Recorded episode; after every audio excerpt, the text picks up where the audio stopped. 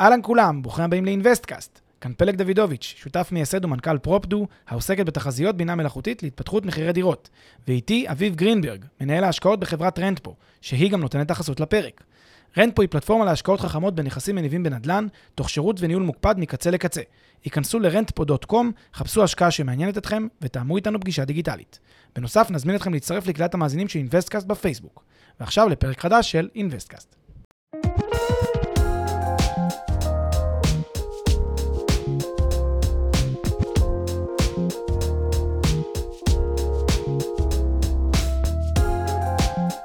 פלג, סוף 2021 שמח לך. וואו, אביב, סוף 2021 ותחילת 2022, שמח מאוד גם לך. yes, תודה, תודה רבה לך. אנחנו בפרק מאוד מאוד חגיגי, פרק שבו אנחנו מסכמים את מה שהיה בנדל"ן בישראל בשנת 2021, וחוזים מגמות הלאה ל-2022 וגם לשנים שלאחריה. איזה יופי. יס, נתחיל בהצגה עצמית, אני אתחיל.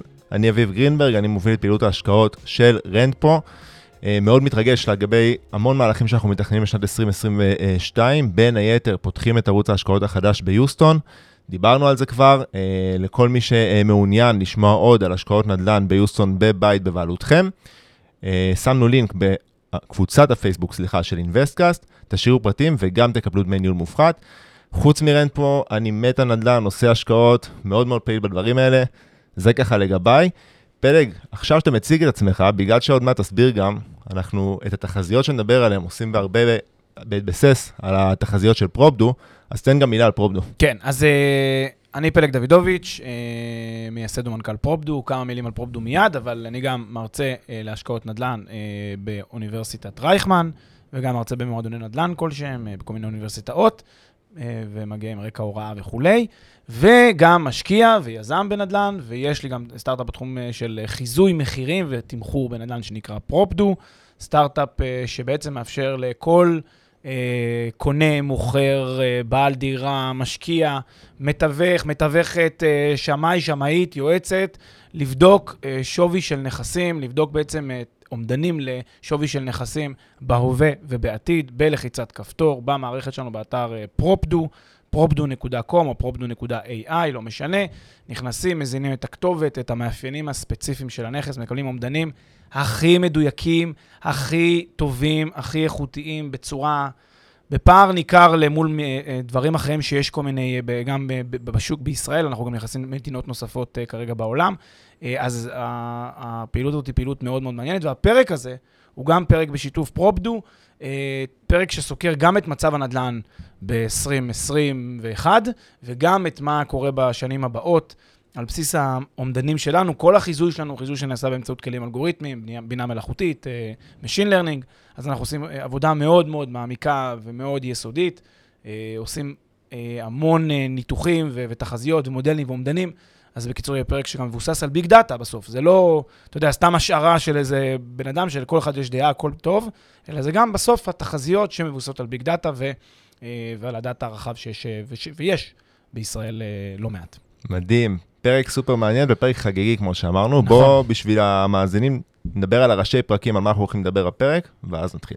כן, אז אנחנו, אנחנו נדבר על הדברים הבאים. קודם כל, מה היה ב-2021 בראשי פרקים, אחר כך, מה התחזית לשנים הבאות, איזה שכונות בישראל הן השכונות המבטיחות בשנים הבאות. שימו לב, שכונות מבטיחות. בואו תביאו דף ועט, תתחילו לרשום, כי זה יהיה פרק גם פרקטי, מחר אפשר קצת להתחיל להשקיע. איזה ערים מבטיחות ואיזה אזורים בארץ מבטיחים. אה, מה אסטרטגיות ההשקעה המומלצות בישראל? כלומר, אם יש לי כסף, תכף נדבר גם מה הכסף, אם יש לי כסף, איזה אפיקי השקעה, איזה אסטרטגיות השקעה כדאי לשקול? אנחנו נגיד את האסטרטגיות השקעה. מה התשואה שאפשר להפיק על השקעה בישראל, תשואה כוללת, IRR וגם תשואה שוטפת מהשכרה, אז אנחנו נדבר על התשואות שאפשר להפיק בישראל. אה, נטו ממיסים כמובן, כלומר תשואת cash on cash, אה, ואנחנו נדבר על זה תכף. אה, מהו ההון העצמי המינימלי הדרוש כדי לעשות השקעה טובה ומומלצת בישראל. רמז, אה, יותר נמוך ממה שאתם חושבים, אבל גם יותר גבוה ממה שאתם חושבים. אז זה, הרמז, אה, אני משאיר אותו ככה כרגע. ושדבר נוסף שאנחנו נדון זה, האם כדאי להשקיע באזורים היותר מרכזיים ומוכרים, או ללכת לאזורים פריפריאליים. זו שאלה שאנחנו גם כן נדון בה. בקיצור, פרק שממש פרקטי על, על שוק הנדל"ן בישראל, מגמות, תחזיות, מבוסס big data, מבוסס על המספרים, מבוסס על נתונים של פרופדו, באמת פרק מאוד מאוד מעניין ומקווה שיהיה גם מעשיר. יאללה, אז בואו נתחיל ממבט במראה, בואו נסכם לשנת 2021. כן, מה, מה ראינו ב-2021? אני רק רוצה להגיד לפני זה איזושהי, איזשהו גילוי נאות, דיסקליימר חשוב מאוד לכל המאזינים. קודם כל, כל הפרק הזה, אנחנו לא רוצים שאנשים עכשיו אה, יעשו החלטות לא אחראיות. אל, אתם, אתם לא צריכים להסתמך בצורה עיוורת על מה שאנחנו אומרים, הכל זה, אתה יודע, זה דעה וזה גם מבוסס על ביג דאטה וזה מבוסס על, על מודלים וחישובים, אבל זה עדיין סוג מסוים של תחזית והערכה. כל אחד ואחת מכם שיעשה את הקלקולציות והחישובים שלו בכוחות עצמו, וייעזר ביועצים, וייעזר במי שצריך, כדי לקבל את ההחלטת ההשקעה הכי נבונה. אנחנו, הדבר הכי רחוק בעולם מלמכור לכם פה חלומות ואשליות וסיפורי מעשיות, זה ממש לא הכיוון, אנחנו לא גורים, לא מתיימרים להיות גורים. תקבלו את ההחלטות בכוחות עצמכם, אתם נבונים מספיק כדי לקבל את ההחלטות לבד. אנחנו רק נותנים לכם את הדאטה ואת ה, את הידע, הכללי, את הידע הכללי והבסיסי, אחר כך תיקחו את זה מכאן. כמו שאנחנו תמיד מזמינים. אתכם אה, לבדוק אותנו. זה מאוד חשוב, אה, הנקודה וחד הזאת. משמעית אה, לעשות מודלים משלכם. יפה. אז יאללה, עכשיו אה, בואו נסתכל 2021. במראה, 2021. אז בבולטים קצרים, כי אני לא רוצה שנתמקד הרבה על 2021, אני אגיד מאוד מאוד בקצרה. כולם יודעים שהיו פה עליות מחירים משמעותיות בשנת 2021. אנחנו מדברים, בנתונים שאנחנו רואים, אגב, זה קצת שונה מכל הפופוליזם שיש בתקשורת וכל מיני אה, כותרות. זה בסביבות 5 עד 8 אחוז במרבית האזורים בישראל. יש מקומות שלא עלו כל כך משמעותית, קצת פחות מ-5, אפילו 3 אחוז, 2 אחוז, יש כאלה אפילו קצת ירדו, למרות שזה לא מובהק סטטיסטית הירידות, כי זה לא אומר שזה... זה, אולי זה נכס פה, נכס שם, אבל ברמת העיקרון, מדינת ישראל עלתה בסביבות 5% עד 7% ב- במהלך שנת 2021. יש מקומות ונכסים ושכונות ואזורים שאולי גם עלו 10%, בסדר? אני נותן לכם את זה, אבל ברמת העיקרון עליית המחירים הייתה בסביבות 5 עד 7%. ואיזה אזורים עלו יותר? גוש דן לצורך העניין? אז אזורים שעלו יותר, זה, זה, זה שוב, זה, זה, אני מנסה לענות את התשובה יותר דאטה ופחות כאילו Buzzwords, אבל מרכז הארץ עלה יותר. אה, דווקא תל אביב לא בראש הרשימה, היא עלתה, אבל לא בראש הרשימה. עלו אה, אה, דרום גוש דן למשל, אה, ערים שמקיפות ממש את תל אביב, עלו משמעותית יותר. ככל שהתרחקו יותר פריפריאלית, העליות היו יותר מתונות, ויש איזה, וכשתתרחקו ממש לפריפריה יותר רחוקה, אתם תראו שיש גם ערים שירדו קצת, לפי הנתונים. שוב, לא מאוד מובהק סטטיסטית, לכן אני לא רוצה ממש לנקוב. זה, זה, לפעמים, אתה יודע, כשיש מעט עסקאות, אז אה, מספיק שהיה איזושהי עסקה אחת שקצת הורידה, כן, שהיא- אז זה גרם למין ירידה של. המחיר, אבל זה לא מדויק כל כך, אז בוא נגיד, בוא נשאיר את זה כרגע טיפה יותר עמום, כדי להיות יותר מדויקים. אה, מה שכן קורה זה שאנחנו רואים כמות שיא של עסקאות, באמת אה, אה, שובר את כל השיאים של, של, של עסקאות. בדרך כלל בישראל אנחנו מדברים על משהו כמו 120, 100, 100 עד 120 אלף עסקאות בשנה בממוצע. כאן אנחנו מדברים על מספרים שגבוהים גבוהים קצת יותר, בערך או בעוד 10-15 אחוז, משהו כזה, תלוי איך סופרים, גם, גם זה קצת אה, מורכב, אבל בגדול, העלייה משמעותית בכמות העסקאות, אנחנו מדברים פה על כמות עסקאות שיא, וזה גם אומר שכמות המשכנתאות נמצאת בשיא של כל הזמנים, אה, וזה בהחלט אה, משתקף גם בתוצאות של הבנקים, כי הבנקים באמת רואים בדיווחים שלהם את השנה הזאת כשנת שיא מטורפת בכמות המשכנתאות וברווחים של הבנקים אה, ובהגדלת התיקים שלהם. אז שזה היה גם משהו שכבר אמרו, זאת אומרת, זה משהו שממשיך כבר מ-2020, כי ב-2020 אני זוכר שהייתה הפתעה גמורה, שבמשבר של הקורונה הייתה כמות שיא של משכנתאות, ועכשיו אתה אומר שבעצם אפילו ב-2021 לקחו את זה קדימה, והייתה כמות אפילו יותר גבוהה מ-2020. כן, אז אני ממש, אה, אז אני ממש מסכים. אה, בואו נדבר מילה על השכירות. אז שוב, בניגוד להרבה אה, קונספציות והרבה כל מיני השערות שיש לאנשים לגבי שוק השכירות, מחירי השכירות לא עולים בצורה אה, חדה אה, ובצורה משמעותית. מחירי השכירות, אגב, זה נתונים של הלמ"ס. אה, גם הלמ"ס גם אומר את זה, זאת אומרת, אנחנו רואים את זה גם במחקרים אה, של הלמ"ס, אבל אנחנו רואים את זה גם בפרופדו בצורה מאוד מאוד אה, ברורה.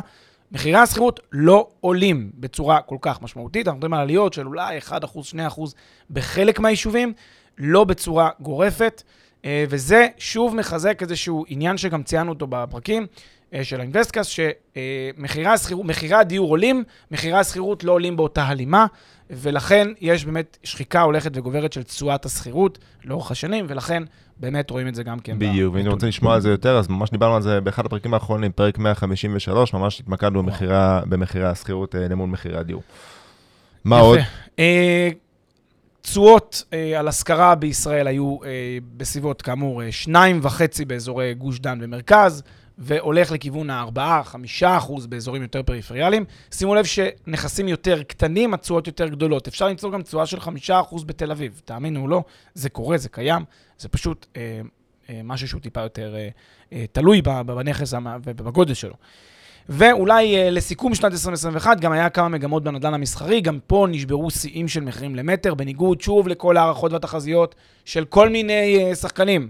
אה, שוב, אנחנו, כש, כשאנחנו חזינו שתהיה עלייה גם במחירי, במחירי שכר הדירה המסחרי, בשנת 2020 צחקו עלינו, אבל זה בדיוק מה שקרה, כי אנחנו באמת רואים שהנדל"ן המסחרי עולה ועולה ועולה וממשיך לעלות, אפילו שאנחנו נמצאים בעיצומו של כאילו קורונה והיברידי ועבודה מרחוק, אז לא, מחירי שכר הדירה המסחרי רק עולים ועולים. יש פה עסקאות שיא במחירים במרכז תל אביב של 150, 180 שקל למטר, מחירים מטורפים.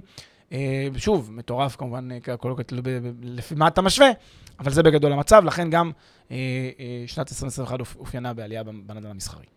מדהים, זאת אומרת שמה שאתה אומר זה שהסברות שהיו, שהמגמה הזאת של working from home תמשיך גם אחרי הסגרים, זה לא משהו שתפס ברמה כזאת שממש בלם את הביקוש לנדל"ן מסחרי. מעניין. נכון, נכון. יאללה, נעבור הלאה ל-2021. אמ, ל-2022, סליחה, והשנים הבאות. אנחנו מדברים עכשיו על השנים הבאות. אה, ולמעשה, מכאן ואילך אנחנו רוצים בעצם להגיד על מה המגמות, מה אנחנו חוזים שיקרה, איזה שכונות מבטיחות, איזה ערים מבטיחות, מה הולך לקרות בנדל"ן הישראלי בשנים הבאות.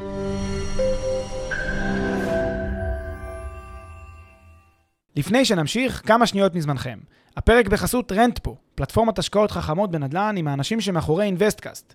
רנטפו מאפשרת לכם להשקיע בשקיפות וביעילות בנכסים מניבים, תוך ליווי וניהול מוקפד ומקצועי מקצה לקצה. היכנסו ל-rentpo.com, חפשו השקעה שמעניינת אתכם, ותאמו איתנו פגישה דיגיטלית.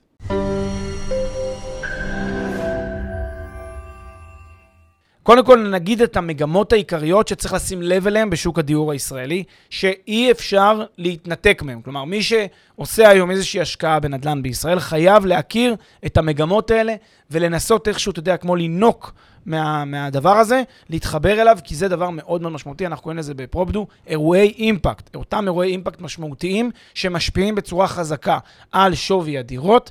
ומשפיעים גם על השכונות, ומשפיעים גם על כל המרקם העירוני, ולכן זה דברים שאתם חייבים, לדעתי לפחות, להכיר ולשרוק. אז הדבר המרכזי שקורה היום ב- בישראל זה מהפכה תחבורתית מאוד מאוד משמעותית, שזה אומר בגדול, בעיקר, ב- כן, זה לא, זה, זה, זה, זה ישפיע לדעתי גם למרחבים פריפריאליים יותר, אבל ישפיע בעיקר באזור המרכז, שזו כמובן מהפכת הרכבת הקלה והמטרו. אלה בעצם אה, קווים של אה, רכבת, של תנועה, אה, שאפשר להגיע ממקום למקום ביעילות יותר, במהירות יותר גבוהה, וזה משנה לחלוטין את המרקם העירוני של ערי הלוויין לתל אביב. כלומר, כל המרקם העירוני משתנה, כל הדינמיקה התל אביבית משתנה, ואנחנו נראה את זה לנגד העיניים בשנים הבאות הולך וגדל. מה זה אומר? זה אומר שזה לא תל אביב אאוט. פתח תקווה אין, זה לא מה שאני אומר, אנחנו לא נגיע למחירים בפתח תקווה כמו היום, ב, כמו היום ב, ברוטשילד, זה לא יקרה, אבל אנחנו כן נראה מצב שבו עליות המחירים בערים לווייניות עולות על עליות המחירים בתל אביב. אגב, ראינו את זה כבר ב-2021 וכך גם חזינו. אנחנו גם כנראה נראה את זה בשנים הבאות. תל אביב, יש לה את הקסם שלה, היא תמיד תמשוך ביקושים בגלל הייחודיות שלה. אבל ערי הלוויין שעוטפים אותה, אנחנו חושבים שיעלו יותר ובקצב גבוה יותר. שוב, לא מכל המקומות, יש גם בתל אביב מקומות שאנחנו חושבים שיעלו משמעותית, בעיקר דרום העיר. תכף נדבר על זה. אגב, השינוי, חלק מהשינוי נראה כבר בשנים המאוד מאוד קרובות, אה, וחלק מהשינוי נראה עם טיפה יותר, טיפה בתקופה זו שהיא טיפה יותר אה, ארוכה, כי לצורך העניין, לפי התחזית, לפי הערכות של נטע, הקו האדום של הרכבת הקלה אמור להיות, כאילו, אמור להתחיל לעבוד כבר בסוף 2022, ממש נובמבר, דצמבר נכון 2022, מאוד. הקו האדום כבר אמור להתחיל לעבוד. והקווים האחרים, הקו הירוק, הקו הסגול, אני לא זוכר בדיוק באיזה שנה, והמטרו זה... בדיוק, והמטרו, בסוף, ב... לקראת נראה לי 2030. נכון, מטרו רק התחילה, תחילת עבודות. נכון. בעוד 8-10 uh, שנה. אבל מה, ש... מה שהנקודה פה, אני חושב, היותר חשובה, זה לבוא ולשים רגע את המראה, או את התמונה הבאה. שימו לב, זה להגיע למרכז תל אביב, למרכז, אה, כן, למער תל אביב, מתחם הבורסה ברמת גן, או אה, מתחם הבנקים ברוטשילד, או אה, הרצליה פיתוח, או רמת החייל, להגיע לאותם מקומות מ, אה, אם תרצו, אה, בת ים, אה, ראשון לציון, פתח תקווה, נס ציונה, להגיע לאותם מקומות, אה, אור יהודה, קריית אונו, ברבע שעה, 20 דקות, ב- ביום טוב, יכול להיות גם חצי, חצי שעה, שעה. אבל, אבל ב- בקווי תחבורה יעילים ונוחים בסך הכל, לפי מה שחוזים. רכבת בקו האדום לצורך העניין, רק להמחשה, אמורה להגיע בזמני שיא, כל דקה וחצי וכל שתיים וחצי דקות מגיעה רכבת. זאת אומרת, זה, זה הכוונה, זה לא, רק, זה לא רק החצי שעה נסיעה, אלא זה שכמו שאנחנו מכירים ממדינות אחרות, אתה מגיע לתחנה וישר עולה על רכבת. אז זה העניין, וזה באמת, כמו שאתה אומר, ינגיש את מקומות העבודה האלה, את מקומות התעסוקה, לאנשים ש, שחוץ מהתעסוקה, כן דווקא רוצים אה, לגור בערי הלוויין שדיברנו עליהם. נכון, וגם יכולים להגיע היום אה, בעצם אה, במחירים יותר שפויים לד- לדירת אה, ארבעה, חמישה חדרים ב- וחדשה, וזה יותר, שוב, המחירים גם שם לא זולים, אבל זה יותר שפוי, יותר מתקרב למספרים שאנשים יכולים להרשות לעצמם, אה, ולכן זה מקצר זמנים, זה מאפשר להגיע בצורה יותר יעילה למקומות העבודה וה- והתעסוקה, והנה מהפכה של ממש במחירים. זה מהפכת התחבורה, כדאי להכיר את הנקודה הזאת. עכשיו, אנשים אומרים, תשקיע לאורך התוואי, תשקיע לאורך התוואי, אני תכף אגיד על זה מילה, על לאורך התוואי, הכותרת הזאת לאורך התוואי, תכף נגיד על זה אני כמה גם, מילים. יש לי הרבה מה להגיד על זה, אבל. אבל אז אנחנו מבינים שהתחבורה זה באמת אירוע אימפקט משמעותי, ולכן אתם כשאתם אה, אה, מח- מחפשים אזור להשקעה, אה, אתם חייבים להיות ערים לכך. אגב, כל המידע הזה הוא מאוד מאוד פומבי, זאת אומרת, אתם יודעים איפה התוואי של כל, של כל הקווים שהולכים להיות.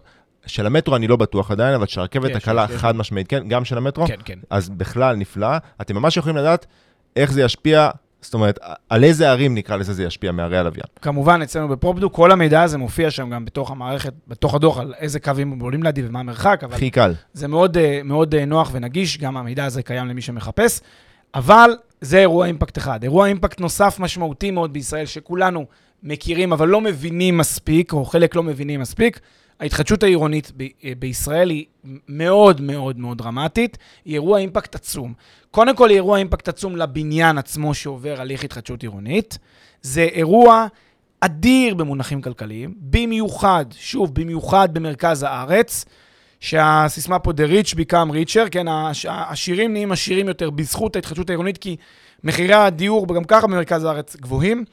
פרויקט התחדשות עירונית נותנת, נותן בוסט כלכלי מאוד משמעותי בגלל המחיר הגבוה למטר במרכז הארץ, ולכן זה, בראש ובראשונה נהנים מזה תושבים ודיירים ובעלי דירות של בניין שעובר תהליך התחדשות עירונית בטווח הנראה לעין, אבל, והנה השוס הגדול, גם השכונה כולה נהנית משמעותית, במיוחד מפרויקטים של פינוי-בינוי, כי בפינוי-בינוי, בפרויקטים האלה אנחנו מדברים על תהליך שהוא טיפה יותר תשתיתי ורחב, שמערב גם שצ"פים ועירוב שימושים, ודברים שהעירייה כבר מנצלת את ההזדמנות כדי לייצר פה פרויקט שהוא פרויקט הרבה יותר רחב, הרבה יותר משמעותי, שגם מתחשב באלמנטים כמו תחבורה, חינוך, תרבות, פנאי, אה, ריקייש, ב- בילוי, משחק, אה, כאילו היכולת אה, ל- ל- גני ילדים, פארקים, גנים, דברים מהסוג הזה.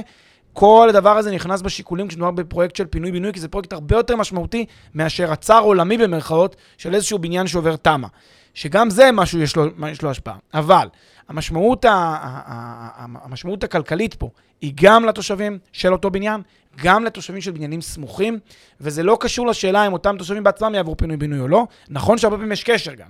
כן, ברגע שעושים לידי פינוי-בינוי, הנה גם אני מריח את, ה, את הגרנית פורצלן הזה ששווה שם בבניינים החדשים, אני גם מריח את זה, וגם אני רוצה, אבל זה רק אם אני עומד, אה, שוב, בתנאים של ההתחדשות, ולכן בכלל ידברו איתי. אחרת, אם אני בניין יחסית חדש, אז לכאורה הייתי אומר, טוב, זה לא עניין שלי שהם בנו פה, בנו פה משהו מאוד יפה, אבל זה כן עניין שלי, כי אני אתערם מזה, זה ישפר אוכלוסייה, זה ישפר רמת חיים, זה ישפר את הכל. לכן, אירועי התחדשות עירונית זה אירועי אימפקט משמעותיים ביותר. ניתן על זה מילה אה, קצרה על ההבדל באמת בין ההתחדשות העירונית בדמות פינוי-בינוי לבין התמ"א, מה שנקרא תמ"א אה, אה, 38. באמת ההבדל, כמו שאתה אומר, זה התכנון התשתיתי. ואנחנו ראינו שהרבה הרבה רשויות עירוניות בלמו אה, פרויקטים של תמ"א, כי הרי כל, כל פינוי-בינוי כמעט בהגדרה, במיוחד במרכז הארץ, מע- מעמיס את, אה, כאילו מגדיל את כמות התושבים באותו אזור, כי, כי זה התמריץ של היזם, שיכול לבנות יותר אה, דירות, ואז למכור את הדירות אה, אה, הנוספות. ולכן, בפינוי-בינוי, כמו שאמרת, גם משפרים את השצ"פים ואת כל, ה, אה, את כל הנתיבי תעבורה, כדי לאפשר, ברוב המקרים באמת, למספר הגדול יותר של התושבים אה, לנוע אל ומאותו אזור.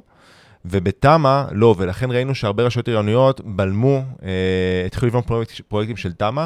מעניין אגב, יהיה מה, מעניין אה, לראות מה יהיה עם זה לצד מהפכת התעבורה, שאולי אז אנשים ישתמשו פחות ברכבים, ואז אולי, אולי, זאת אומרת, אה, אה, פחות יחששו מה, מהעומס שנוצר אה, באותו אזור. כן, בכל מקרה, הנושא של ההתחדשות הוא, הוא נושא מאוד מרכזי שכדאי להכיר אותו, ואני מצטרף למה שאתה אומר אה, בהקשר הזה, וכן אני רוצה להגיד עוד בקצרה עוד כמה נקודות קטנות שכדאי להכיר במגמות בשוק הדיור. אז אחד זה הנושא של אה, אה, בנייה והפשרת קרקעות. אז אנחנו רואים ואנחנו שומעים ואנחנו ערים לזה שנושא ההפשרה בישראל והתכנון בישראל ממשיך להיות איטי, ממשיך להתנהל בעצלתיים. זו אה, תקלה שגם זיהה שר האוצר הנוכחי, ליברמן, הוא גם דיבר על זה בצורה די, די אה, גלויה וכנה, ואומר, אני גם חוזה שמחירי הדיור בישראל ב-2022 גם ימשיכו לעלות, זאת אומרת, הוא אומר את זה בכנות. אין לי פתרון קסם. אגב, זו אמירה אמיצה שאנחנו נכון. דווקא מעריכים, כי זה טוב שהוא אומר את זה, אומר לציבור את, ה, את האמת במובן הזה. אין פתרונות קסם לשוק הדיור בישראל, זה, זה מצריך תכנון. תכנון זה נקודת קשר, זה צוואר בקבוק מאוד משמעותי אה, בישראל. צריך להיזהר רק מפתרון בצד, בצד הביקוש, כי הוא לא עוזר לכלום. הבעיה היא כמובן בצד ההיצע, צד התכנון. לכן, זה עדיין בעיה שקיימת, וזו מגמה משמעותית שכדאי לקחת בחשבון, שהמחירים כנראה כאן כדי להישאר, בסדר? וימשיכו לעלות. אה, לפחות בתקופה הקרובה. שוב, לא, לא לשמחתנו ואולי גם לא לצערנו, אבל זה בטח לא, זה פשוט, זה הנתונים. It is what it is, אנחנו פשוט צריכים לעשות מה שהכי נכון לעשות בסיטואציה כזאת. הלוואי שהיינו אנשי בשורות והיינו הולכים להגיד לכם, תראו, המחירים נראים ירידות של 20% ברמת גן. זה, זה לא קורה לצערנו, אה, אה, הכיוון הוא דווקא ירוק בהקשר הזה. עוד דבר שכדאי להכיר, וזו מגמה שככה מתחת לפני השטח, לא כל כך מדברים עליה, מגמת הדיור להשכרה. שימו לב שבגלל תמריצים של חוק עידוד השקעות הון עודף הכסף בשווקים, והעובדה ששחקנים, שחקני נדל"ן גדולים רואים את הזינוק במחירי הדיור בישראל. ומזהים שימשיך להיות. ומזהים, שימשיך... בדיוק כמו שאנחנו רואים כאן, שהמחירים רק יוסיפו ויאמירו בשנים הבאות. הרבה מאוד קבוצות נדל"ן, שחקני נדל"ן, קונים דיור להשכרה, מקבצי דיור להשכרה בישראל, בתמריצים של חוק עידוד השקעות הון. במובן הזה הם בעצם הופכים להיות שחקני השקעה מאוד מאוד משמעותיים. עכשיו, זה לא תגידו לי פה איזה שם נכס, שם נכס, פה כמה עשרות, מדברים איתכם על מאות ואלפי נכסים שנכנסים עכשיו בתוך אה, ליבת, ה, בתוך ליבת ה, אה, הנדל"ן, מרכזי ערים, אזורי ביקוש, בפרויקטים חדשים. זאת אומרת, בעצם היום, בפרויקט חדש שנבנה של יזם א', יזם ב', אתם יכולים למצוא לא מעט דירות שנמכרות לאיזושהי קבוצת בנייה גדולה אחרת, קבוצה יזמית. שקונה אה, חמישה אחוז, עשרה אחוז מהנכסים בפרויקט, מאוד מאוד שכיח. המשמעויות הן משמעויות גדולות מאוד לכיס של כולנו, גם כן, כי זה אומר שיש יותר תחרות במרכאות על הדירות החדשות, וגם יש בעצם יותר תחרות בצד של משקיעים, כדאי לקחת את זה בחשבון, אה, וזה גם אומר משהו למשקיעים, שימו לב, הנה, עוד כסף נכנס לשוק שיזרים ביקושים, יעלה את המחירים. בקיצור, יש פה מכל הכיוונים הרבה מאוד uh, שיקולים שנכנסים בעת ובעונה אחת, uh, וכדאי גם את זה לקחת בחשבון. Uh, במילה, יש כל מיני דברים שקורים גם בצד של המיסוי ובצד המשכנתאות, אז זה כבר יותר הטקטיקות הנקודתיות שמיישמים בכל מיני תוכניות ובכל מיני החלטות של משרד האוצר. כדאי גם להכיר שהמגמה, שוב, כדרכה של, של, של הממשלות בשנים האחרונות, ניסיון להילחם במשקיעים בכל מיני צורות. אה, קצת במשכנתה פוגעים, קצת במיסי רכישה. שוב אנחנו אומרים, זה אמנם משהו שמין כזה רד פלקס צריך להכיר, הוא לא, להערכתנו, בעל השפעה מהותית על מחירי הדיור בשנים הבאות, וכנראה שהכיוון ימשיך לעלות אה, גם אה, למרות מהלכים שכאלה. גם אם יעשו פה מהלכים יותר דרמטיים אפילו ממה שקורה, אז זה ככה כדאי להכיר. בקיצור, התחזית הכללית שלנו בפרופדו זה לצפי המשך עליות מחירים. יותר מתונות קצת, ממה שראינו בשנת 2021, קצת יותר מתונות. אה, אני אגיד גם שאולי אנחנו גם טיפה, טיפה נוקטים פה בגישות שמרניות מסוימות, אבל זה גם בסדר. אבל אנחנו חוזים בסביבות 3 עד 5 אחוז רב-שנתי, המשך עליות מחירים בהרבה מאוד מוקדים ואזורים בישראל. שוב, אני מתנתק פה מהרבה מאוד רכיבים שמאפיינים כל נכס. כל דירה יש לה את הייחודיות שלה ואת הסיבות שמשפיעות עליה, גם בגלל המיקום הקונקרטי שלה, גם בגלל אירועי האימפקט הרלוונטיים שחלים עליה, גם בגלל השטח שלה למשל. דירות קטנות לעומת דירות גדולות. לא. אז בהרבה מאוד תחזיות שלנו דירות קטנות דווקא עולות יותר מאשר דירות גדולות, יעלו יותר בשנים הבאות. אה, ובחלק מהמקומות דווקא הפוך, דווקא יותר דירות גדולות יעלו יותר, איפה שהרבה משפחות רוצים לעבור. בקיצור, יש פה הרבה שיקולים, אבל בממוצע רב-שנתי של כלל ישראל בסביבות 3 5 אחוז בחלקים נרחבים בישראל בשנים הבאות. אז זה ה, ככה התחזית הכללית, ואם אם תסכים, נלך עכשיו לש, לשכונות המבטיחות שאנחנו רוצים להצביע עליהן. אה, לשם כך. התכנסנו. יפה. אז השכונות המבטיחות, אה, לפי פרופדו, זה בעצם, מה זה אומר? זה בעצם, אנחנו לוקחים איזשהו סוג של אה, אה, הסתכלות טיפה ממקרו, ומסתכלים רגע על, על, על המבנים והתהליכים שקורים במשק, ואנחנו לא אומרים שבשכונות מסוימות אחרות, שלא נציין אותן פה, אז אה, אין, אין, אין, אין הבטחה. יכולה להיות הבטחה נדל"נית מצוינת. אנחנו גם מפרסמים כל פעם אה, אה, עדכונים על שכונות שאנחנו רואים ומתגלים ומתפתחים, אז ככה כדאי גם לעקוב. אבל במובן הזה של שכונות מרכזיות שעולות ומתפתחות, יש כמה בולטות שלדעתנו כדאי לשים עליהן את העין. אין כאן המלצת השקעה, אבל יש כאן, כדאי לשים את העין ולבדוק, ונציין אותם בכמה נקודות. ובכוונה חילקנו את זה לגוש דן, אזור, אזור חיפה ואזור אזור הצפון ואזור הדרום, ולהגיד ממש בקצרה כמה שכונות. שימו לב, זה לא כל הרשימה. זה לא כל הרשימה, אנחנו נותנים פה טיזר. יש הרבה שכונות טובות, וזה רק כמה נבחרות, וזה לא כל הרשימה. זה חשוב, חשוב, חשוב לומר. אז שכונה, שכונות מרכזיות זה מרכז פתח תקווה. פתח תקווה היא עיר שבולטת מאוד בנתונים שלנו, בגלל שהיא עוברת בעת ובעונה אחת הרבה מאוד תהליכים משמעותיים, הרבה מאוד אירועי אימפקט משמעותיים, שזה גם התחדשות המר, המרכז העירוני, וגם אה, התחדשות תחבורתית מאוד מאוד משמעותית. ופתח תקווה זאת עיר עם אה, פוטנציאל מאוד גבוה, במיוחד של מרכז העיר, אה, ואזורים מסוימים במרכז העיר, לעליות מחירים משמעותיות. משפחות צעירות, אה, זוגות, עוברים ומתחילים להיכנס לפתח תקווה ולהתמקם שם. זה, זה נחמד לראות את המהלך הזה. אגב, פתח, היום, וזה כמי שגדל בפתח תקווה, אה, היום המצב התחבורתי בפתח תקווה הוא זוועה. זאת נכון. אומרת, זה, זה מגמה שאתה אומר שהיא היא מעולה, וזה בדיוק העניין למה, כאילו למה יש לפה פוטנציאל גבוה לעלות את המחירים, כי היום, כדי להגיע מחלק אחד של העיר לחלק השני של העיר, מרחק ממש לא גדול, יכול לקחת לך בבוקר 45-50 דקות. אה, ולכן, זה, זה המהפכה של ממש ש- שאתה אומר. כן, זה ממש נכון. אה, אז שכונות, למשל, לב המושבה, ואם המושבות, ומרכז העיר, אה, וכפר גנים אולי גם, כל מיני שכונות שנמצאות יחסית בגרעין המרכזי של העיר, השכונות היותר ותיקות של מרכז פתח תקווה. כזה, אם תרצו, אז אה, האזורים שעוברים גם הרבה, תשימו לב איפה גם קוראים התחדשות עירונית מאוד משמעותיות שם, ז'בוטינסקי, אורלוב, אחד העם, אזורים מאוד מרכזיים של, אה, של מרכז העיר. אה, אז זה אזור שכדאי לקחת אותו בחשבון כאזור מרכזי של, לתשומת לב. נקודה נוספת, בת ים. העיר בת ים שוכנת דרומית לתל אביב, אני תכף אגיד גם קצת על, על, על אזור דרום תל אביב, אבל בת ים, עיר מאוד מעניינת, שגם היא עולה אה, לפי התחזיות שלנו בצורה משמעותית, וגם היא התחילה וגם היא תמשיך לעלות בצורה משמעותית, הרבה בגלל גם המ- המהפכה התחבורתית, וגם בגלל ההתחדשות העירונית, וגם בגלל העובדה שזאת פשוט עיר שאין סיבה, שוב, הגיונית, ו- ואין סיבה בעולם שהיא לא תהיה עיר מאוד מאוד חזקה אה, מבחינה כלכלית, סוציו-אקונומית, תעסוקתית, ומאוד מאוד יכול להיות שאנחנו נראה גם אה, קפיצות מחירים משמעותיות שכמעט, כמעט יתקרבו למחירים בתל אביב. זאת אומרת, ברמה הזאת, יש היום אזורים בבת ים ש... לא אמרתי לגבי פתח תקווה, פתח תקווה אנחנו מדברים על סביבות 20 אלף למטר. זאת אומרת, דירת, נגיד, אה, דירת ארבעה חדרים תעלה בסביבות 2 מיליון שקל. בת ים, זה קצת יותר לכיוון ה-2.5, 2, 4, 2.5, בערך 23 אלף שקל למטר, 24 אלף שקל למטר. היא כבר התחילה. לעלות. והיא התחילה כבר לעלות. אגב, כל הערים כבר התחילו לעלות, ברור. כי הם כולם, כל- כולם ערים לדברים כאלה, אבל במקרה הזה, בת ים באמת אזור מאוד מאוד מרכזי. גם כאן, דווקא מרכז העיר ומערבה, אוקיי? אז מרכז העיר הוותיק, אזור יופ- יוספטל. אה, השכונות של לב העיר עצמם, וגם מערבה, רוטשילד ומערב, ולאורך קו החוף. אה, אה, אה, אלה בדרך כלל השכונות שאנחנו מזהים טיפה יותר את הפוטנציאלים, וגם אנחנו רואים כניסות של יזמים אל אותם אזורים שמשקיעים ובונים, אה, שכונת העצמאות, דרום, שכונת דרום מערב וכולי וכולי. זה המספרים. עכשיו, מילה לגבי תל אביב.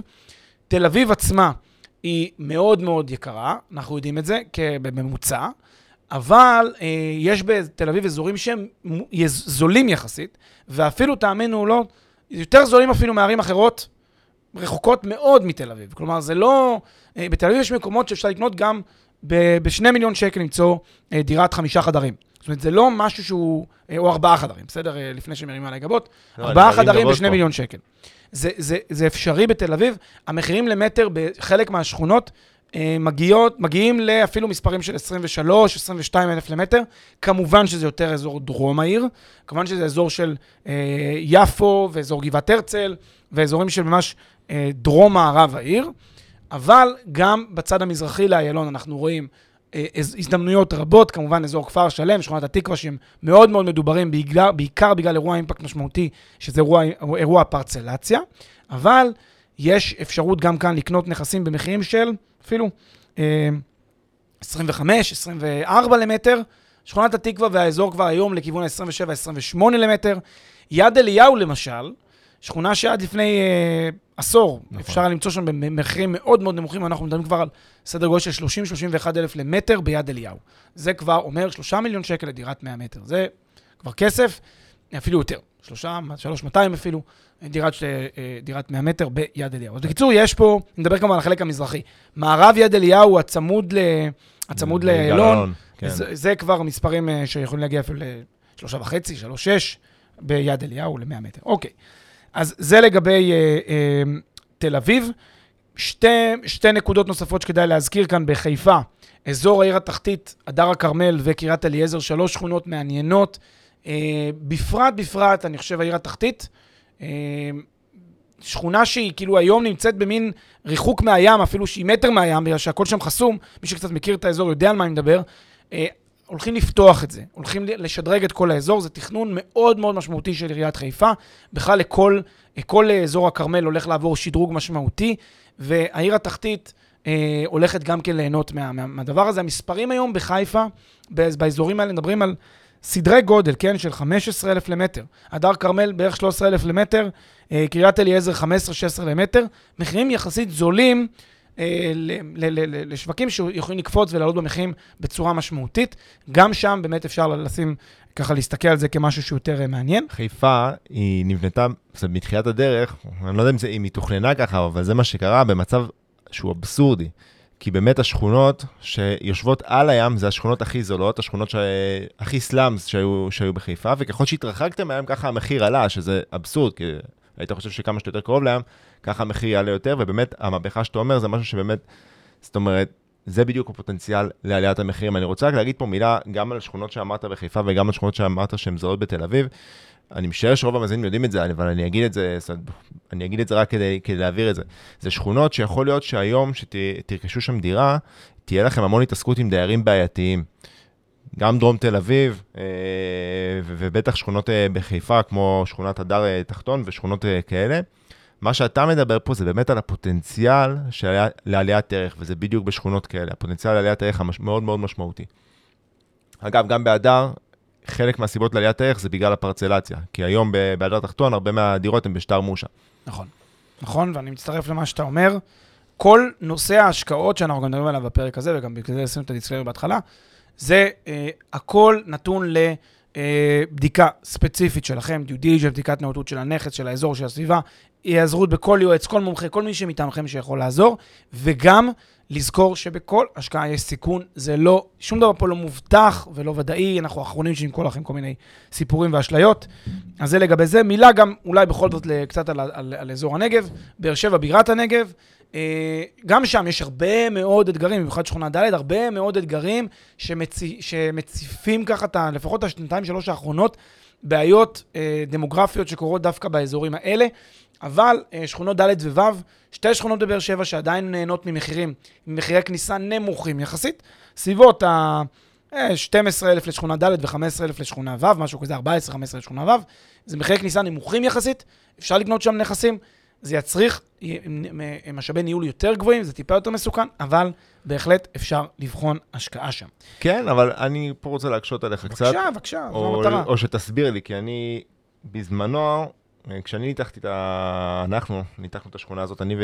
וורד אשתי, לפני 3-4 שנים כבר ראינו שהמחירים מאוד מאוד גבוהים ביחס לשכר הדירה שאפשר לקבל בשכונה הזאת, כי לפחות שכונה ד', כן, שזו שכונה של כל ה vibe הסטודנטיאלי, זאת אומרת, זה, זה הקהל היעד העיקרי שם.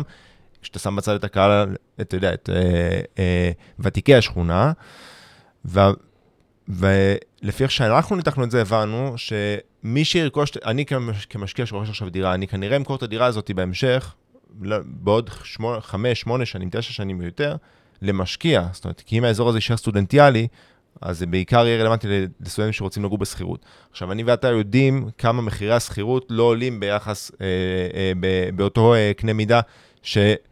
סליחה, מחיר הדירה הולך ועולה, ואז אני אומר לעצמי, רגע, אבל משקיע שיבוא אחריי, בגלל שפה זה עיקר, בעיקר דיור להשכרה, הוא, אומרת, לא, יהיה, לא ישתלם לו לרכוש את הדירה במחיר לאחרי עליית ערך, כי הוא, הוא בקושי יקבל פה שכירות. כן, המנגנון פה הוא טיפה יותר מורכב, אני לא, לא אלאה את כל, ה, את כל ה, איך, איך התהליך הזה עובד, אבל בגדול, הלוגיקה של המנגנון הזה אומרת שהתשואה היום על השכרה באזור הזה היא גבוהה יותר, 4.5 אחוז, 4 אחוז באזור, באזורים האלה, בשכונות היותר סטודנטיאליות, כמובן, כי זה גם דירות יותר קטנות, אפילו לפעמים נושק לכיוון ה-5 אחוז תשואה. כשזה המצב, יש ביקושים שהם ביקושים של משקיעים, והנחת המוצא שמאחר שאין שוק אה, מספיק שלא של משקיעים שקונה את הדירות האלה, אז המחיר לא יעלה בקצב כזה ששכר הדירה יישחק בצורה משמעותית. נכון. ואז אה, בהתאם לעליות במחירים יהיו בהלימה עם עליות שכר הדירה השוקיות הרגילות. זה קצת יותר, מנגנון טיפה יותר מורכב, אבל זה ישמור בסך הכל רמה סבירה וממוזנת. זה שונה נגיד, אם תרצה, ממרכז הארץ, שבה יש לך גם עליות עקב משקיעים, וגם עליות עקב השוק עצמו שקונה שם. אה, קונים רגילים בשוק שרוצים לגור, שזה אה, שני סוגים של ביקושים בעת ובעונה אחת, אל מול מחירי השכירות שלא עולים באותו קצב. בסדר, אז זה בגדול הרעיון. שימו לב שאנחנו מדברים פה על השקעה שהיא השקעה שנהנית משתי הצעות. גם עליית ערך וגם תשואת, וגם תשואת השוטפת, לכן זו תשואת הערה יותר גדולה באזורים האלה. אוקיי, אז זה היה לגבי אה, כמה שכונות, עוד כל מיני שכונות שאני רוצה לציין אולי ב, באמירה כזאת אה, חשובה. שכונה מעניינת בראשון לציון, רמת אליהו, שכונה שהיא אה, אה, סוג של אה, מובלעת קשה בעיר, כי הרבה מאוד שנים היא לא מתפתחת ולא מתקדמת, ויש הרבה מאוד שנים שראשי ערים בראשון באו ואמרו, אנחנו רוצים לקדם את רמת אליהו ולהפוך אותה לחלק בלתי נפרד מה, מה, מה, מה, מהצמיחה העירונית ועליית המחירים העירונית. ועכשיו בעצם העירייה הכריזה על תוכנית פינוי-בינוי מאוד משמעותית, מה גם שקו המטרו יהיה ממש צמוד לשכונה הזאת, לשכונה אחרת שנקראת נחלת, אה, אה, אה, נחלת, כן, שכונת נחלת, כל, כל מי שמכיר את ראשון יודע שנקראת נחלת, בעצם ממזרח וממערב יקיפו שתי השכונות האלה את תחנת המטרו הזאת. אם נחלת עלתה והיא עלתה בצורה קיצונית בתקופה האחרונה, אז גם רמת אליהו חוזים לה את אותה עלייה משמעותית, לכן זו שכונה אחת. כנ"ל שכונת מילצ'ן שעריים ברחובות, שכונה בדרום העיר, אה, שכונה שבכלל נמצאת ממערבית לרחוב הרצל, רחוב הרצל הרחוב המרכזי של רחובות, כולם יודעים, שלאורכו של רחוב הרצל, גם באזור שעריים, ממש ליד, אה, אה, ליד מרכז העיר, בית המשפט והקניון של, של רחובות, וגם דרומית לאורך רחוב, מזרחית לאורך רחוב הרצל, ייפתחו שתי תחנות של, של מטרו, וגם שם, אזור שעובר התחדשות עירונית משמעותית, גם שם אפשר לשים את העין ולבדוק. קיצור, זה כל מיני שכונות, לתת לכם קצת רעיונות, לא, גם אין פה איזושהי המלצת השקעה מסוימת. ועוד ערים שכדאי לבחון, שוב, אנחנו מת, מסתכלים פה על ערים יותר באזור השפלה, כערים שהן בעלות פוטנציאל, ולמשל אה, אה, אזור באר יעקב, עיר שלמה שמתפתחת בקצב היסטרי ומסחרר משהו מדהים, ונס ציונה שממשיכה ציונה מהממת. כן, ממשיכה להוביל משמעית. בהרבה מאוד מדדים, ממשיכה להיות עיר שמושכת אליה הרבה מאוד משקיעים, וגם אה, זוגות צעירים ומשפחות שרוצים בעצם אה, לשפר רמת חיים. יס, yes, אז עד כאן זה אה, אזורים שבהם, אה, שצפויים, אה, לפחות לפי הנתונים שיש לנו, לעלות אה, אה, ברמה משמעותית. ניקח שנייה אוויר. בואו נדבר על מה אסטרטגיית ההשקעה האפשרית אה, בישראל, להשקעה בישראל. אנחנו דיברנו על, הרבה על אסטרטגיות אה, השקעה בפודקאסט הזה, אה, גם בניתוח הזדמנויות השקעה וגם בפרקים אחרים, ממש דיברנו על כל מיני דרכים שבהם אנחנו יכולים להשקיע בנדל"ן. עכשיו אנחנו קצת יותר מצמצמים, יותר ממקדים את זה, סליחה, לגבי מה שהשוק הישראלי מציע, ונראה לי זה גם בהמשך למה, כאילו, למה שדיברנו עד עכשיו, מאיפה, לפי אירועי האימפקט שדיברנו, שבאמת מעלים את... אה, פוטנציאל עליית הערך, סליחה, של הנכסים. נכון, אז אסטרטגיות השקעה מומלצות בישראל. אפשרות ראשונה, בנייה חדשה. אפשרות שנייה, התחדשות עירונית. אפשרות שלישית, צמודי קרקע. בסדר? ואפשרות רביעית, בקרבת אה, אירועי האימפקט התחבורתיים. וזה, וזה לאו דווקא, זאת אומרת, או שילוב של כמה אפשרויות. או שילוב של כל השאר, שכל אלה ביחד, או חלק מהם ביחד. בואו נתחיל רגע. בנייה חדשה, אז לפי פרופדו אנחנו מסתכלים על בנייה חדשה, בודקים אותה מאוד, זה מאוד מסקרן אותנו הנושא הזה של מה יצוע בעצם עליית הערך בבנייה חדשה. אז נגיד אני קונה היום ב-2022 דירה שתימסר לי ב-2024, כלומר עוד שנתיים, מה תהיה אה, עליית הערך החזויה? אנחנו רואים בסביבות בין 7 ל-10 אחוז אה, קפיצת מחירים בין מועד הרכישה למועד המסירה, ריגרדלס לשוק. רק מההשבחה בבנייה. רק מההשבחה בבנייה. ודיברנו על זה, עשינו על זה פרק שלם, פרק של אומנות הפריסל, למה מאוד מאוד נכון לקנות בפריסל, אגב, פרק 127. וואו, זה ממש כיף להיות פה עם, ה... עם רש"י של היומן של הפודקאסט. השקל, כן, של הזה. אז בעצם ההשבחה בתקופת הבנייה היא בין 7 ל-10 אחוז, זאת אומרת, אם אני שנייה מפשט את זה, אתם קונים דירה במיליון שקל, בסדר? אתם, ת- ב- בסוף הבנייה, זה מה ששילמתם במועד הרכישה, בסוף הבנייה הדירה שלכם כבר שווה מיליון שמונים בממוצע, מיליון שמונים אלף שקל בממוצע, כלומר, עלייה ממוצעת של בסביבות 8 אחוז, 7 עד 10 אחוז. עכשיו יש את העניין של תשומות הבנייה שעולות, מאמירות, מרקיעות שחקים. נכון, זה ידוע. נכון, לא התעלמנו אני, מזה. אני רק אגיד את זה, כי, כי כשאנחנו קונים נכס בשלב מוקדם, בישראל, המחיר מוצמד למדד תשומות הבנייה. וככל ברור. שתשומות הבנייה הולכות ועולות, זה אומר שמה שקניתי במיליון, עכשיו זה כבר אני צריך להשלים למיליון עשרים. נכון. אז למרות שיש עלייה במדד תשומות הפנייה, רמת המחירים הכללית בשוק, שזה הרמה השוקית, האינפלציה השוקית של המחירים בשוק הנדל"ן, לצד ההשבחה עוברים את תשומות הבנייה. אגב, תשומות הבנייה הן יחסית קורלטיביות לרמות המחירים הכלליות בשוק. לכן אם, התשומות הבנייה יהיו 2-3 אחוז, גם רמת המחירים תעלה 2-3 אחוז בשוק. לכן אתם בח- בסך הכל מאוזנים עם העליות הרגילות של השוק. לזה תוסיפו את העלייה ההשבחתית רק מעצם הבנייה החדשה. אז כאן כדאי באמת לחפש נכסים, פרויקטים, בבנייה חדשה, מיזמים מוכרים, מובילים, באזורי ביקוש, כמובן, כמו שאמרת, אביב, שילוב של כל הדברים ביחד יבטיח יותר מ-8%, 10%, 12% אפילו השבחה, אם קורים דברים נוספים באזור. אז זה סוג של אסטרטג... אסטרטגיה ראשונה. אסטרטגיה שנייה, רכישה של נכסים בהתחדשות עירונית. כאן מדובר על נכסים שהם ממש עובדים, עוברים לקראת התחדשות עירונית. צריך ממש לוודא שאכן יש כאן תהליך של התחדשות שהוא אקטיבי, כלומר, יש כאן חתימות כבר. וכבר אפילו יש הסכם עם, עם הדיירים מול היזם, ואם זה המצב, זו דירה שבהחלט שווה לשקול לקנות אותה. עדיין כאן- אין ודאות, מנ- זה השקעה ובהשקעה מנהלים סיכונים, אבל בשלב כזה, כמו ש... זאת אומרת, ואגב, למה אין ודאות? כי עדיין לא ניתן היתר. יכול להיות שעכשיו יזם החתים את כל הדיירים, הגיש בקשה, והעירייה, ת- או, או הוועדה המחוזית, מה שנקרא, תדפוק ברקס ותגיד, בכלל זה לא, זאת אומרת, התוכנית הזאת היא, לא ריאלית למה שאני, הוועדה, מתכננת לעשות באזור הזה. אבל כשמדובר בשלב כזה של אה, אה, יזם, ואגב, משהו שכדאי לבדוק, שהוא יזם משמעותי, יזם שהוא גדול ולא אה, יזם אה, אה, מאוד מאוד קטן, שכבר החתים את הדיירים, כבר הגיש בקשה, אתם יכולים כבר לקרוא חלק מהדיונים אה, אה, של הוועדה העירונית בבקשה שהיזם הגיש, כי אגב, הנתונים האלה הם, הם אה, גם פומביים, זה מראה על התכנות מאוד מאוד חזקה. ודאות אין, אבל אולי, אולי, אולי, זה פרויקט ששווה לנהל את הסיכון וללכת עליו. מאוד מאוד מתחבר לדברים שאתה אומר, גם בהתחדשות עירונית וגם בבנייה חדשה, נושא היזם שאתם משקיעים דרכו מאוד מאוד משמעותי. אנחנו בדעה שלפעמים אפשר לשלם גם עוד קצת על מחיר הדירה, ולפעמים גם עוד 5-10% על מחיר הדירה, אבל לקבל יזם יותר איכותי, יותר מנוסה, יותר ותיק, זה נותן שקט נפשי, זה לא פחות חשוב אפילו מהשקט, מההצלחה העסקית, אבל גם זה יבטיח לכם את ההצלחה בצורה יותר טובה. אנחנו שוב בגישה יותר סולידית. אנחנו לא מכוונים פה לתשואות תלת-ספרתיות, דו-ספרתיות, כמו כל מיני אנשים שמספרים סיפורים. אנחנו אומרים לכם, לכו לתשואות יותר סולידיות. חמישה, שישה, שמונה אחוז תשואה, זה יפה מאוד תשואת IRR נטו. זה מה שאנחנו קוראים למאזינים שלנו היקרים לשאוף אליהם. רק לגבי התחדשות עירונית, כשאני קונה אה, נכס בהתחדשות עירונית, אז כמו שאמרת, לבדוק את היזם, אבל גם חשוב להבין, בהתחדשות עירונית יש השבחה, רק מעצם העובדה שאני מקבל דירה משודרגת יותר, בגלל שמגדילים את השטח, מוסיפים חנייה, מחסן, מעלית בהרבה מאוד מקרים, ממ"ד. ממ"ד, מוסיפים הרבה מאוד רכיבים ל- ל- למתחם כולו, אה, שצ"פים, אזורים, משחק, משחקייה לילדים, כל מיני דברים שעושים. רק הדברים האלה משביחים ב-300 אלף שקל עד מיליון שקל. חלק מהדירות, חלק מהאזורים, בטח תלוי באיזה קומה כל אחד מקבל, זה השבחה שהיא השבחה משמעותית במיוחד, ועכשיו יגידו הרבה אנשים, טוב, המוכר כבר גילם.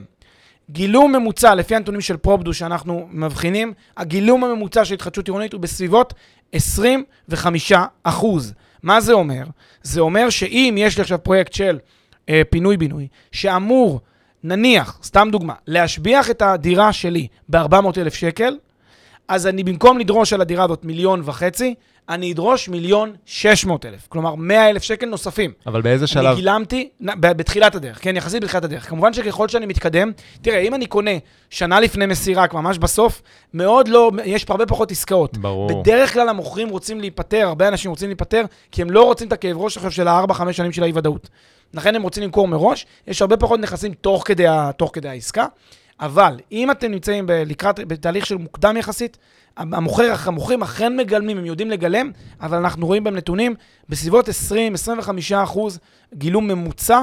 שימו לב, לא ללכת למקומות של מוכרים שממש שמונה שנים לפני כבר מגלמים לי 90 אחוז, זה כמובן לא רלוונטי.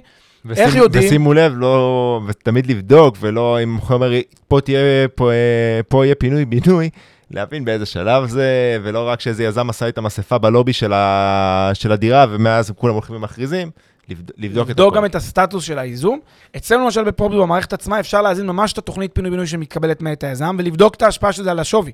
ככה אפשר לגלות אם, אם המוכר שלי גילם או לא גילם, אני רואה את השווי שמופיע במערכת, נגיד השווי מיליון שש מאות, עכשיו אני מוסיף את הגילום האפשרי אל ה, אל, של ההתחדשות העירונית, ואז אני רואה כמה זה מקפיץ את המחיר, מיליון שבע מאות, מיליון שמונה מאות, אני ממש עושה את הסימולציה של ההתחדשות העירונית, של ההשפעה של ההתחדשות העירונית על הנכס שלי, ויודע בדיוק מה הטארגט מכירה הראוי למחיר הזה בנסיבות האלה, כן כעניין אומדני, כמובן, אה, לא משהו מחייב.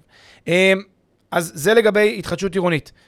אה, צמודי קרקע, אה, רגע, עוד דבר לגבי התחדשות עירונית, שימו לב, אם אני עושה פרויקט של פינוי-בינוי, זה שונה מתמ"א 38, כי פינוי-בינוי זה בדרך כלל 6 עד 8 שנים בממוצע, תמ"א 38 בערך חצי, 3 עד 4 שנים. בסדר? אז, אז פרויקט פינוי-בינוי, קחו בחשבון שכשאתם נכנסים לעסקה, ואומר לכם פינוי-בינוי, יש פה סיכוי שרק עוד 6-8 שנים תראו את הנכס אחרי כל התהליך. צריך, את תתכננו את במודל העובדה. בדיוק, תכננו את העובדה שאתם משכירים עכשיו 6 שנים את הדירה במינימום. משכירים לשוכר, והכל אה, כאילו, צריך ואולי להבין צריך את זה. להשקיע כסף בדירה כדי להביא אותה למצב שהיא ראויה מאוד להשכרה. מאוד נכון, מדויק, מדויק אביב. אולי גם אני צריך להשקיע כסף, כי יכול להיות שהדירה לא ראויה בכלל. אי אפשר להגיד, טוב, יהיה לי פה פינוי-בינוי, אז אני אקנה פה סלאמס. ואז יש לי שש שנים בלי שכירות, מה עשיתם בזה? אוקיי, צמודי קרקע. צמודי קרקע הלך והסתמן כ... כ אה, ה- ה- אתה יודע, פריצת השנה. צמודי קרקע, בתים פרטיים הכוונה, במיוחד אגב בהרחבות קהילתיות, תחום שממש פרח בשנה האחרונה. למה צמודי קרקע? בגלל אה, הרצון של אנשים פשוט לגור במקום שהוא יותר רחב, יותר מרווח, עם גינה, בגלל הבידוד. בגלל הריחוק החברתי. אז באת- באתי גם, באתי גם להגיד משהו, אבל זה קצת סותר את מה שאמרנו בתחילת הפרק, אז אולי ננסה ליישב את זה. באתי להגיד כן, גם עכשיו, בגלל ש... אה, אה, מאז שהקורונה, שאנשים התחילו לעבוד בבית וראו שלא כל כך נורא לעבוד מהבית ואפשר לעבוד מהבית, אז אנשים פחות, פחות משנה להם, אם, אם הם ייסעו למרכז רק פעמיים, שלוש בשבוע, פחות משנה להם אה, אה, לגור רחוק יותר.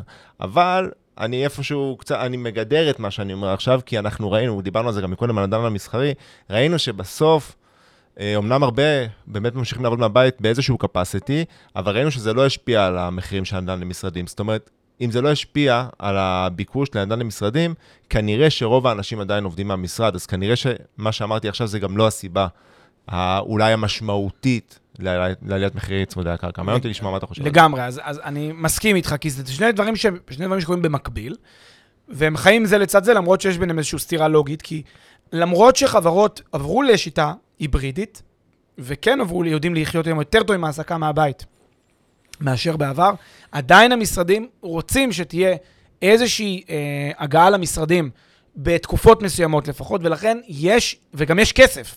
אתה יודע, ואנשים רוצים, המשרד שלהם זה כמו הפנים שלהם, אז יש את הכסף, אז אנשים זוכרים את המשרדים. זה מין, מין דבר מוזר כזה. זה כמו שאתה, אתה יודע, זה כמו שבבורסה אתה רואה אה, אה, חברות שנסחרות בשווי הרבה הרבה הרבה יותר גבוה מכל פוטנציאל הרווח האינסופי שיכול להיות. מכפלים לא נורמליים, כן. אז, אז זה שני דברים כאילו שהם לא כל כך אינטואיטיביים, אבל איכשהו מצליחים לחיות במקביל. אבל, אתה יודע, העולם לעולם לעולם זה עולם של סתירות. יש, יש הרבה דברים שלא מסתדרים, אבל ככה זה, פשוט צריך להכיר את המציאות אה, ולא להתכחש לה. אה, צמודי קרקע, באמת, יש בום מטורף של צמודי קרקע, אנשים קונים ומעלים ומבקשים, ואתה יודע, גם לצמודי קרקע הרבה יותר קשה להעריך בדיוק, ולכן גם אנשים הרבה פעמים קונים ברגש, כשיותר קשה להעריך בדיוק, אתה יודע, דירה בפתח תקווה במרכז זה קל להעריך. דירה צמודת קרקע הרבה יותר קשה להעריך, כי זה יותר בוטיקי, יש פחות אה, יחידות. יותר, יותר פרימיום, יותר, יותר ככה אה, נישתי, ולכן אה, יותר קשה, ולכן גם אנשים. אה, מוכנים לשלם יותר. גם בגלל שזה יותר בוטיקי, וגם בגלל שפה יש, יש, אה, אה, אפקט מאוד מאוד חזק, השפעה מאוד חזקה לרגש, כי זה הבית שאני קונה עכשיו עם החצר שאני רוצה לגדל בת הילדים שלי, זה הרבה יותר, אני לא יודע, זה הרבה יותר משמעותי מאשר דירה במרכז. נכון, אני מסכים איתך מאוד, וזה גם למה אנחנו רואים שיש קפיצה במחירים. אז גם צמוד קרקע רלוונטי, אה, הרחבות קהילתיות של קיבוצים ומושבים, כדאי גם את זה לשקול, בהחלט אפשרי, גם שם אה, זה אזורים שהם גם יותר קהילתיים. אז שם בכלל יש עכשיו אה, רותח ומבעבע התחום הזה, גם יש קצת אה, אה, סגירה של, ה, של, ה, של התחום, אז נשארו, אתה יודע, מה שיש זה יש, כבר לא יהיה יותר. אגב, אנחנו רואים שם זה- גם ביקוש להשכרה, או רק... גם, אה, גם השכרה וגם לרכישה. מעניין. זה, כן, זה, זה תחום מאוד מאוד מעניין, וכדאי בהחלט לשקול גם את הנושא של צמודי קרקע.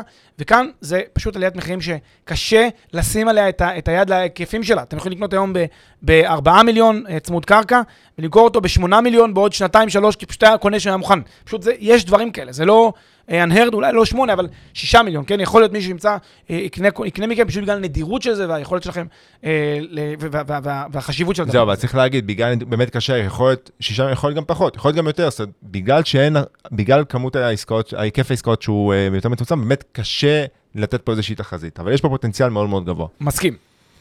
והדבר האחרון, ההזדמנות או האפשרות הרביעית שכדאי לשקול אותה, זה בקרבת אלמנטים התחבורתיים, אירועי האימפקט.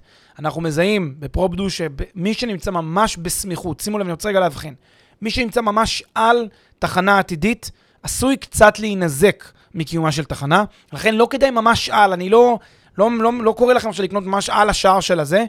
אה, כדאי לקנות באזורים שנמצאים בקרבה של התחנה. שימו לב מאוד מאוד להקפיד לבדוק לא איפה התחנה, אלא איפה הגרם אה, מדרגות נאות לתחנה. ליד זה אתם רוצים להתמקם, לא ליד התחנה. לפעמים, למשל בהוד השרון, יש נקודות שגרם הכניסה לתחנה נמצא 100-200 מטר מרוחק מהמוקד של התחנה עצמה. ולכן דירות שנמצאות דווקא על התחנה סובלות, ולא מקבלות הרבה פעמים את, ה, את מלוא הפוטנציאל. דווקא דירות ב-level השני, על, על הגרם, על המדרגות הנאות, והן בדיוק במקום הנכון, כי שם זה הכי קצר, לעלות, לרדת, שם זה המקום הכי קצר בעצם להתחבר עם התחנה. כי זה קצת מוזר, אני על התחנה ואני צריך ללכת אה, מזרחה או מערבה כדי בעצם להגיע אל התחנה עצמה. לכן, אה, חשוב לשים לב לזה. עכשיו, כאן מאוד חשוב להגיד, לא רק, לא רק דירות שהן על התוואי, מי שקצת מבין תכנון אורבני, ומכיר את המעגלים האורבניים יודע שזה לא רק ממש לגור על התוואי.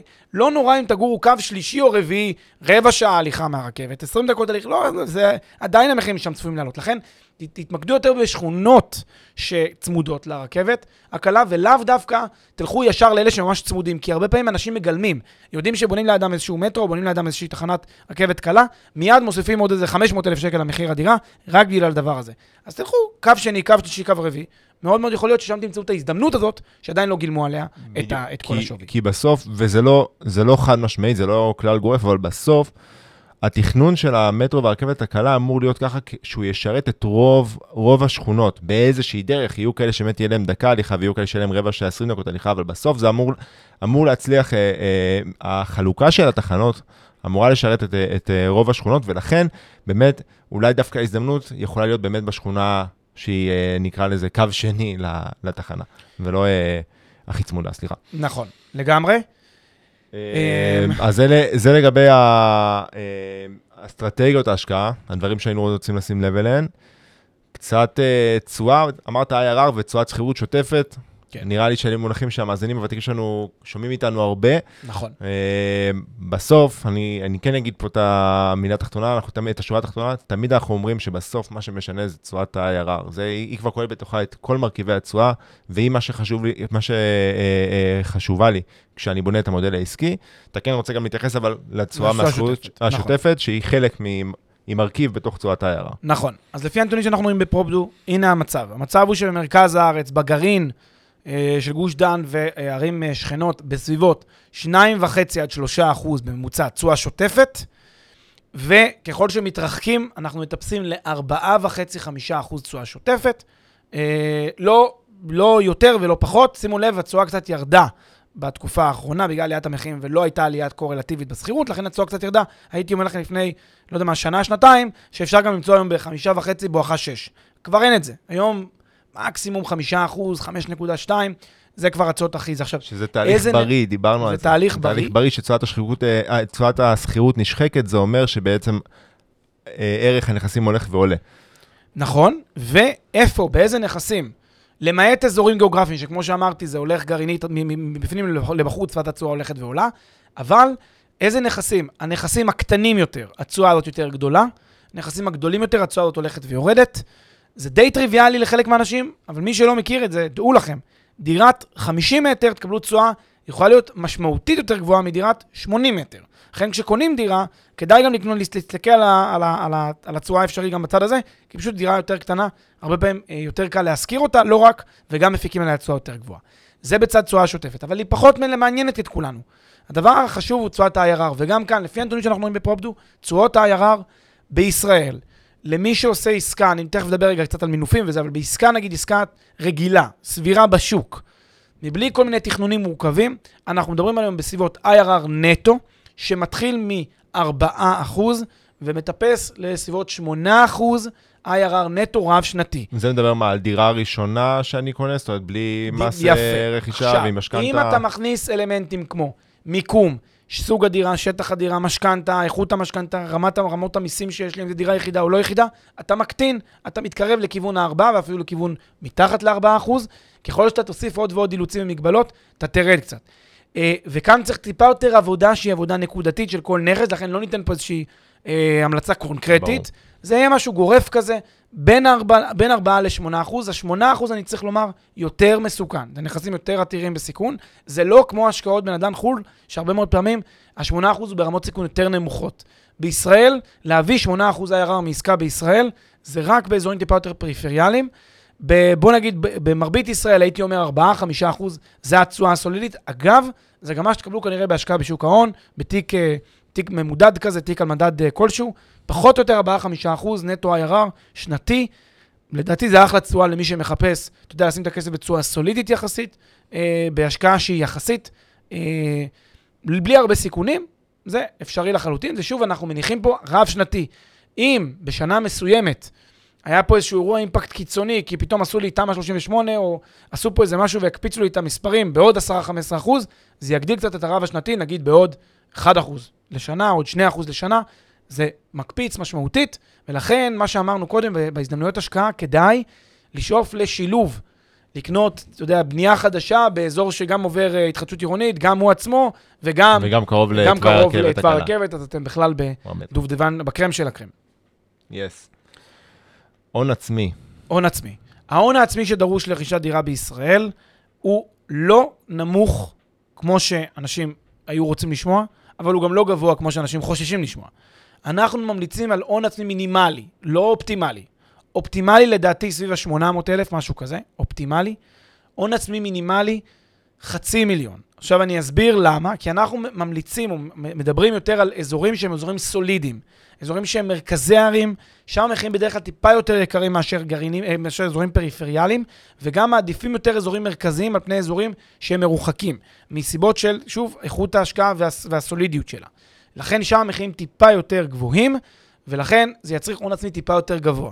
אז בוא נגיד אם אנחנו מכוונים... זה לוקח בחשבון מה, 75% מימון? אז מינוף, תחת סליחה? הנחה של 75% מינוף, אנחנו מדברים בסביבות 500, 600 במינימום, כדי להתחיל, כדי שתהיה לי איזושהי השקעה, לא יודע מה, של 2 אה, מיליון שקל, זה פחות או יותר המספר. אנחנו לא רואים, לא ממליצים לכם ללכת למספרים היותר נמוכים. כשאתם רואים עסקאות של 300-400 אלף שקל הון עצמי, 200 אלף הון עצמי, טיפה יותר, אה, טיפה יותר ריסקי. אה, אבל יש עוד הזדמנויות, לא? בבת ים לצורך העניין, בערים אחרות שהן פחות משני מיליון. אם זה דירות מאוד מאוד קטנות, אם זה דירות מאוד מאוד קטנות, זה אפשרי.